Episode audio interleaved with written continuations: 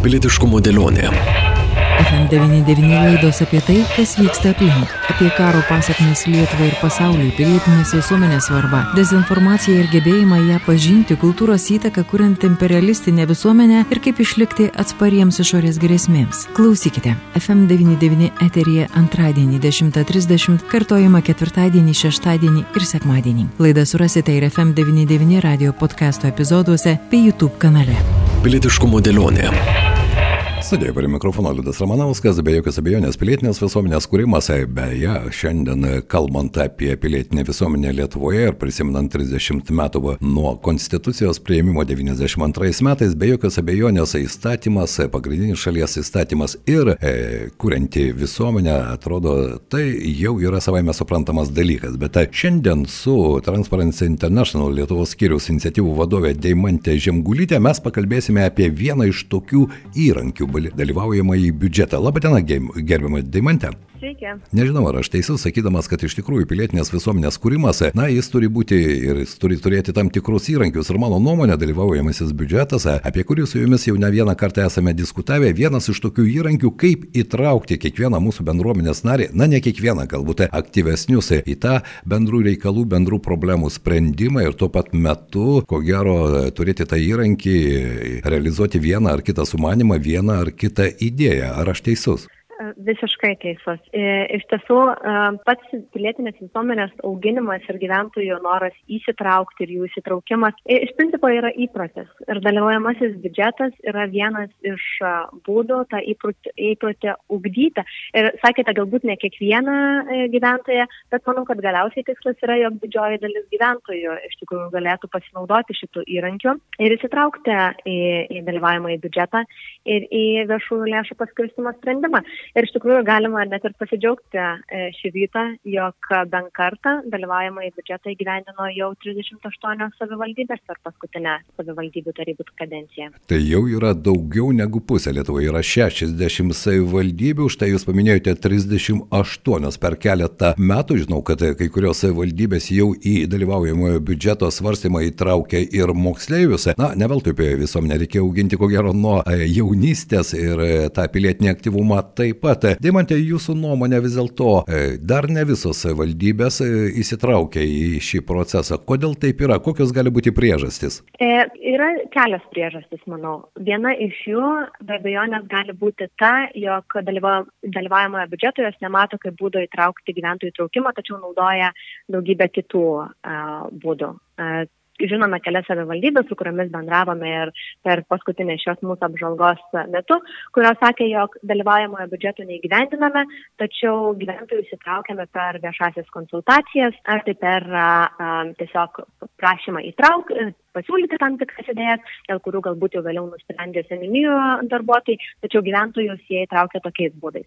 Kitas variantas, žinoma, yra toks šiek tiek liūdnesnis, šitą mes, kaip ir matėme, prieš, jeigu nesuklysiu, dabar tris metus ar 2020 e, metais, kai atlikome pirmąją mūsų apžvalgą, nes pirmoji mūsų apžvalga, jinai nebuvo tokia fokusuotai dalyvaujama į biudžetą, jos tikslas buvo kiek kitoks, labiau suprasti apskritai e, gyventojų įtraukimo būdus, tai tuomet matėme, jog septynios e, savivaldybės apskritai neįtraukia gyventojų jokius sprendimų prieimimus ir nerengia nei viešųjų konsultacijų, nei dalyvaujamųjų biudžetų. Tai žinoma, čia tokie du skirtingi poliai, tai, bet ir pačios savivaldybės be abejonės yra labai skirtingos. Politikai kartais sako, jog mes išrinkti gyventojų ir todėl mes turime priimti galutinius sprendimus, bet tai yra viešieji pinigai ir mano vis dėlto nuomonė, kad dalyvaujamasis biudžetas tai ne vien tik tai ta pilietiškumo mokykla, bet iš kitos pusės galimybė iš tikrųjų dalyvauti jau konkrečiai skirstant tos viešuosius pinigus, kuriuos e, visa bendruomenė kaip bitutė suneša į tą savivaldybę savivaldybės ar e, rajono ar miesto biudžetą. Kiek jūsų nuomonė vis dėlto atlikote tyrimą, kiek gyventojų įtraukia bei kiek pinigų dalyvaujamisiems biudžetams skiria tos savivaldybės, jūs minėjote 38 savivaldybės Lietuvoje, e, kurios vis dėlto šį įrankį naudoja? Tai gal visų pirma, prieš pasakant tos skaičius, verta pasakyti, iš kur mes tos skaičius apskritai gavome, kad tai nėra iš piršto laužti skaičiai. Rūpiučio mėnesį mes pateikėm klausimynus savivaldybėms jau trečiąjį kartą klausėm jų, tai kiekgi jos įtraukia gyventojų, kiek gyventojų balsuoja, kiek idėjų gauna, kiek pinigėlių skiria. E, tai iš čia ir ateina šitie skaičiai, tai ką pamatėme, jog per pastarosius metus, tai nuo praėjusių metų Liepos iki šių metų rūpiučių, e, beveik 70 tūkstančių gyventojų balsavo už jiems labiausiai patikusias idėjas. Ir jie bendrai paskirstė 2,3 milijonus eurų. Kas man atrodo yra tikrai solidi suma, nes jeigu netgi pagalvotume, be abejonės, savivaldybių gyvendinančių skaičius auga, bet net jeigu pagalvotume apie tą pačią sumą, praėjusiais metais kalbėjom apie labai labai panašią, tik tuomet kalbėjome, jog tokią sumą paskirstė per tris metus, nuo dabar 2,3 milijono turime va, per pastruosius metus, dėl kurių nusprendė gyventojai. Vadinasi, galime matyti tam tikras tendencijas ir kai kurios savivaldybės išbandžiusios šį įrankį pilietiniai visuomeniai kurti, jos mato ir tą pridėtinę vertę, ne tik gyventojų įsitraukimą, bet ir pagal pagaliau e, vieno ar kito projekto pritarimui aktyvesnį pačios bendruomenės įsitraukimą. Visiškai taip. Šiaip pagrindinės priežastis, dėl ko e, savivaldybės įgyvendina dalyvavimą į biudžetą, tai būtent ir yra siekis aktyviau traukti gyventojus į sprendimų prieimimą, noras padidinti jų pasitikėjimą. E, ir tai matom iš tikrųjų ne tik iš kokybinių interviu, kuriuos pernai, pernai atlikom, bet ir šiemet apžvalgoje įtraukėme, manau, labai tokį E, džiugų ir geras emocijas kelianti klausimas apie sėkmės istorijas. Kodėl taip sakau? Nes man pačiai asmeniškai buvo labai e, smagu skaityti, jog dalyvavimas biudžetas iš tikrųjų tapo savivaldybėse būdų tiek e, gyventojų iniciatyvom patobulinti miesto erdves, tiek gyventojų susidomėjimas apskritai sprendimų prieimimu pradėjo aukti ir pačia iniciatyva ir aišku ta pagerėjusi komunikacija tarp savivaldybių ir gyventojų, nes tai irgi yra būdas bendrauti savivaldybių atstovams bendradarbiauti ir bendrauti su gyventojais bei bendruomenės. Be, be jokios abejonės, ir tas bendravimas tada įgauna jau ne tokį formalų, o tiesiog konkretų, ar ne konkrečią formą, nes yra konkretus projektai, yra pagaliau e, viešinimas, yra apie tai diskutuojama, kalbama pati bendruomenė, apie tai kalba pagaliau pati balsuoja vienokią ar kitokią formą ir tokiu būdu išreiškia savo palaikymą ar nepalaikymą vienai ar kitai idėjai. Taip, ir tuo pačiu tai yra galimybė net ir geriau žinoti, ką kreiptis kilus tam tikriems klausimams nes vienas iš pagrindinių tikslų yra tai, jog gyventojai e, patys sukurtų savo projektą nuo A iki Z, kas e, įtraukia ir be abejo kaštų, samatas, planavimą. E, tai tuo pačiu tai yra galimybė sužinoti, ką jie turėtų kreiptis tam tikrais klausimais dėl planavimo, dėl finansų tų pačių planavimo.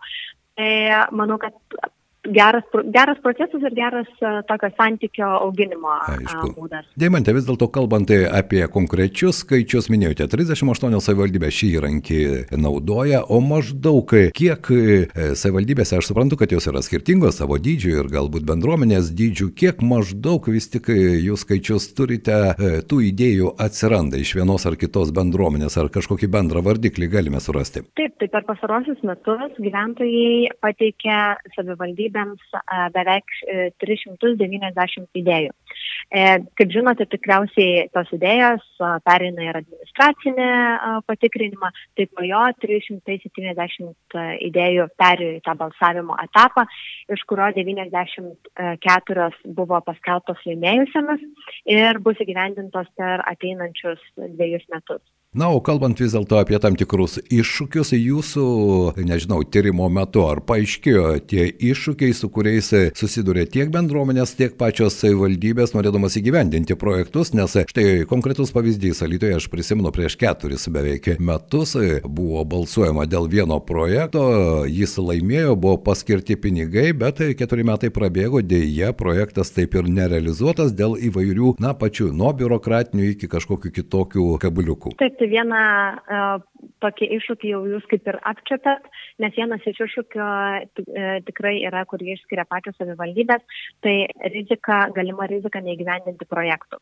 Ir tai gali būti dėl įvairių priežasčių. Tai gali būti ir dėl biurokratinių priežasčių, uh, ką jūs minite, nes, pavyzdžiui, gali būti projektas suplanuotas visai netoje vietoje, kurioje gali būti e, įgyvendinamas.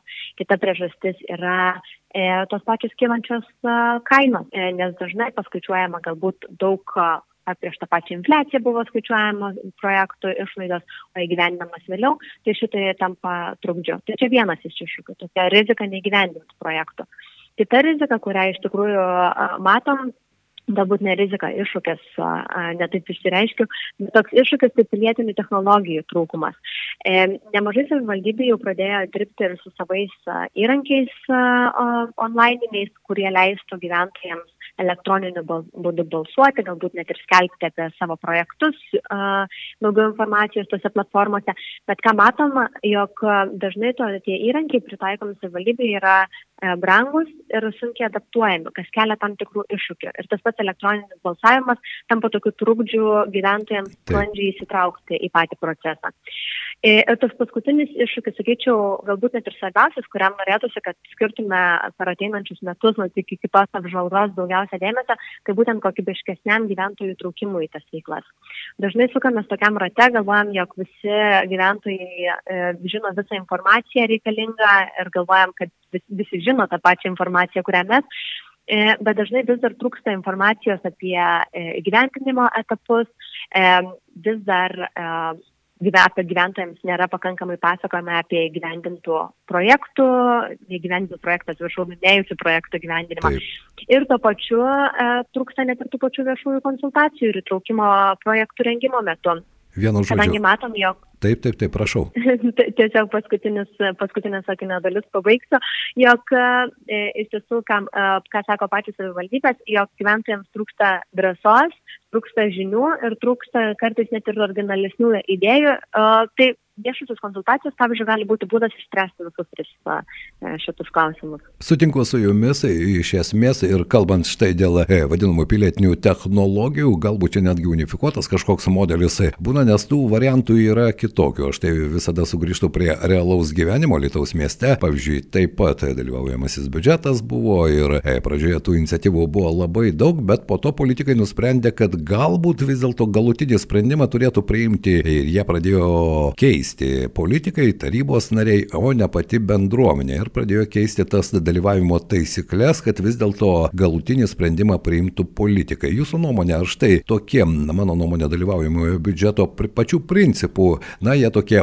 patobulinimai kartais po to bendruomenės narius ir atstumia nuo noro teikti naujas idėjas, dalyvauti tame procese ir realizuoti vieną ar kitą sumanimą, kuris būtų aktualus visai bendruomeniai. E, visiškai su jumis sutinku ir ką jūs sakot net ir apie tvarkos aprašų keitimą ir galiausiai sprendimo, galiausiai sprendimo perdavimą politikams, tai iš esmės net ir pakeičia patį dalyvaujamojo biudžeto principą, nes kas yra pats dalyvaujamasis biudžetas, galbūt net ir nuo to uh, turėjome pradėti, tai yra būdas uh, bendruomeniai prisidėti prie viešųjų lėšų skirstimo. Tai pačiai bendruomeniai, gyventojams, siūlant savo idėjas, kurias jie nori matyti įgyvendintas ir patiems balsuojant už uh, tas idėjas.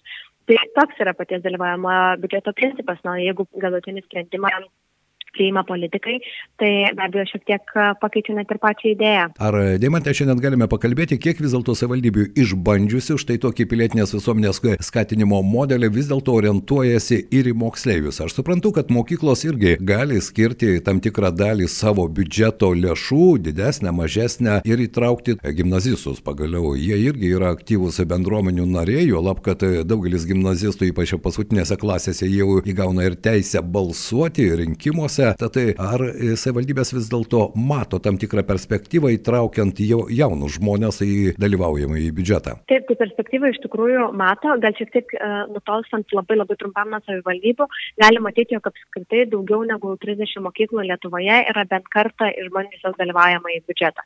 Ir čia tiek su savivaldybių pagalba, tiek vienos pačios, nes jiems su mumis net 25 e, mokyklos jau yra e, išbandžiusios e, dalyvavimo biudžetą ir kai kurios netgi e, po tris kartus. Nu, kalbant apie savivaldybės, tai net 11 e, sako, jog arba rengia, arba planuoja rengti dalyvavimosius biudžetus mokyklose. Ir man atrodo, kad tai yra labai geras ženklas, nes e, be abejo pradėti ga, galima nuo tų pačių gimnazistų, įtraukiant juos, to pačiu ugdant ir tą jų įprotį dalyvauti, suprasti, kaip veikia biudžetas, vėliau e, net įsitraukti į e, miesto e, sprendimus, miesto dalyvavimą į biudžetą, bet to pačiu tai yra būdas artėti ir prie dalyvavimojo biudžeto pradinukams. O pavyzdžiui, Vilniuje turime dvi mokyklas, kurios viena pilnai jau įgyvendino tokį dalyvavimojo biudžetą, kita šiuo metu įgyvendina. Tai įtraukti ne tik gimnazistus, bet to pačiu ir pradinių klasių moksleivius į sprendimų prieimimą. Galbūt net šiek tiek mažesnėmis sumomis žiniomis, bet to pačiu tai yra galimybė ir jiems papasakoti apie tai, kokie tai yra procesai ir ugdyti jų šeiminiškumo jausmą. Ir e, norėčiau šiek tiek e, užsiminti apie sėkmės istorijas. Štai jau, jeigu neklystu, penktąjį dalyvaujimo biudžeto formą organizuoja ir jūsų Transparency International ir e, nebejoju, kad tokiuose formuose irgi skamba ir sėkmės istorijos ir aptariamos tam tikros problemos. Ar tų sėkmės istorijų dalyvaujimo biudžeto pavyzdžių Lietuvoje jau yra daug? Jų kiekvienais metais vis daugėja. Šie, šiandieną iš tikrųjų pasikalbėsime apie ne vieną tokį ir sėkmės pavyzdį, ir išmoktą pamoką. Tai ta pati viena iš mokyklų, kurį įtraukė pradinukus pasidalinti savo patirtimi, kelios savivaldybės, kurios viena įgyvendino jau dabar ketvirtąjį kartą dalyvavimą į biudžetą, e, kita Vilniaus miesto, kurie išbandė pilotinę iniciatyvą trijose seniūnijose ir dabar išplėtė savo dalyvavimą į biudžetą toliau. Taip pat pasišnekėsime ir apie socialiai pažeidžiamų grupių įtraukimą, kas yra nepaprastai svarbu ir dalyvavimas į biudžetas yra puikus įrankis. Na, ir išgirsime e, istoriją ir sėkmės istoriją iš bendruomenės narių, kaip jiems sekėsi įsitraukti ir kaip e, jiems e, pavyko pats procesas. Kalbant vis dėlto apie tą tyrimą, kurį jūs atlikote, ar mes galime Lietuvoje matyti regionus, kuriuose dalyvaujamasis biudžetas jau tampa įprastu pilietinės visuomenės formavimo įrankiu, ar tai nepriklauso nuo miesto dydžio, nuo regiono ir tai galbūt priklauso tik nuo savivaldybės ir bendruomenės susikalbėjimo? Tai priklauso visiškai nuo savivaldybių ir bendruomenio susikalbėjimo ir nuo pačių savivaldybių, nes iš tiesų tokios savivaldybės, kurios įgyvendina jau du ar tris kartus, jos yra išsibaršusios po visą Lietuvą. Turime šiuo metu septynės savivaldybės, kurios dalyvavimą į biudžetą įgyvendino tris kartus, dvidešimt, kurios įgyvendino du kartus. Bet iš tiesų labai svarbu, jog tas testinumas būtų užtikrinamas, nes aš suprantu, kad dažnai kyla mintis, jog vat, išbandėme vieną kartą, galbūt nepavyko, galbūt labai pavyko e, metas judėti prie kitos iniciatyvos, bet tai iš tikrųjų yra labai geras būdas uh, didinti pasitikėjimą, auginti pasitikėjimą tiek savivaldybė, tiek jos priimamais sprendimais ir to pačiu didinti pasitikėjimą, jog iniciatyvos, projektai, kurie laimės, jie bus e, įgyvendinti ir jog gyventojų yra klausomasi. Tuo pat metu tai yra pačios bendruomenės konsolidavimo, e, mano nuomonė, puikiai priemonė, ar ne? Nes e, kai tu žinai, kad tavo sprendimas arba tavo pasiūlyta idėja gali būti realizuojama, jie atneš naudą visai bendruomeniai, tu jau kiek kitaip, ko gero, ir mokaisi skaičiuoti ir žiūrėti, kieno interesai yra svarbiausia. Viešieji interesai, jo lab, kad tai juk viešieji pinigai. Taip, ir to pačiu, kai matai rezultatą pastatytą savo mieste ir žinai, jog prisidėjai prie jo ar tai savo balsu, ar tai savo idėją, tai irgi sukuria jau minėtą šeiminiškumo jausmą ir norą toliau kurti tas pačias viešasis e, erdvės savivaldybėse. Taip, e, ačiū Jums šiandien, Deimantė, linkiu išgirsti gražių sėkmės istorijų ir žinoma su Jumis dalintis. Mūsų pašnekovė buvo Transparency International Lietuvos skyriaus iniciatyvų vadovė Deimantė Žemgulytė. Mes kalbėjome apie dalyvaujamą į biudžetą, apie įrankį, kuris kuria ir padeda kurti pilietinę visuomenę. Ačiū Jums, dėkui. Ačiū labai. Aš nebejoju, kad iš ties 38 savivaldybės visoje šalyje, tai jau daugiau negu pusė dalyvauja šiame procese ir tai yra labai svarbu, beje ir sumos auga, tad ko gero vietinės valdžios pasitikėjimas savo bendruomenė irgi yra labai svarbus, kaip ir abipusis ryšys vietose. Pilietinės visuomenės pasitikėjimas savo valdžia ir dalyvaujamasis biudžetas čia gali būti puikiai priemonė. Pilietiškumo dėlionė. FM99 laidos apie tai, kas vyksta aplink, apie karo pasakmes Lietuvai ir pasauliui, pilietinės visuomenės svarbą, dezinformaciją ir gebėjimą ją pažinti, kultūros įtaką, kuriant imperialistinę visuomenę ir kaip išlikti atspariems išorės grėsmėms. Klausykite, FM99 eterija antradienį 10.30, kartojama ketvirtadienį, šeštadienį ir sekmadienį. Laidą surasite ir FM99 radio podcast'o epizoduose bei YouTube kanale. Pilietiškumo dėlionė.